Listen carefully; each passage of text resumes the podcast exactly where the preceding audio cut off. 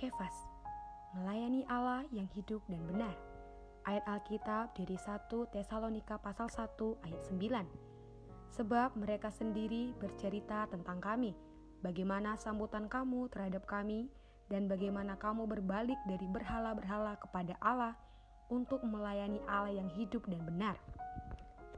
Sobat Kefas, setelah kaum beriman beroleh selamat, dengan sendirinya harus mengakhiri perkara-perkara lampau. Ini adalah praktek orang Kristen yang telah beroleh selamat dengan jelas.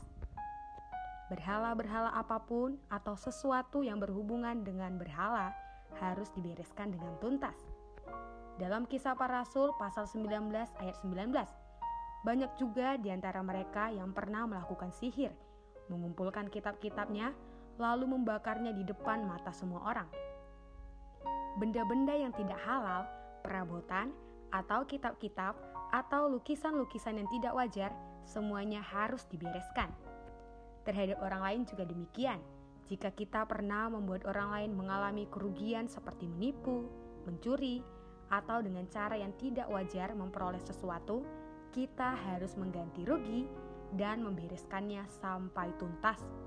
Seperti kisah seorang Zakheus dalam Lukas pasal 19 ayat 8. Tetapi Zakheus berdiri dan berkata kepada Tuhan, Tuhan, lihatlah, setengah dari milikku akan kuberikan kepada orang miskin, dan sekiranya ada sesuatu yang kuperas dari seseorang, akan kukembalikan empat kali lipat.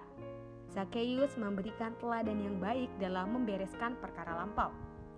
Kita harus membawa kehidupan, perilaku kita yang lampau kepada Tuhan sambil mohon Tuhan menerangi apa yang tidak sepadan dengan panggilan kasih karunia dan tidak sesuai dengan kehendak Tuhan supaya semuanya diakhiri.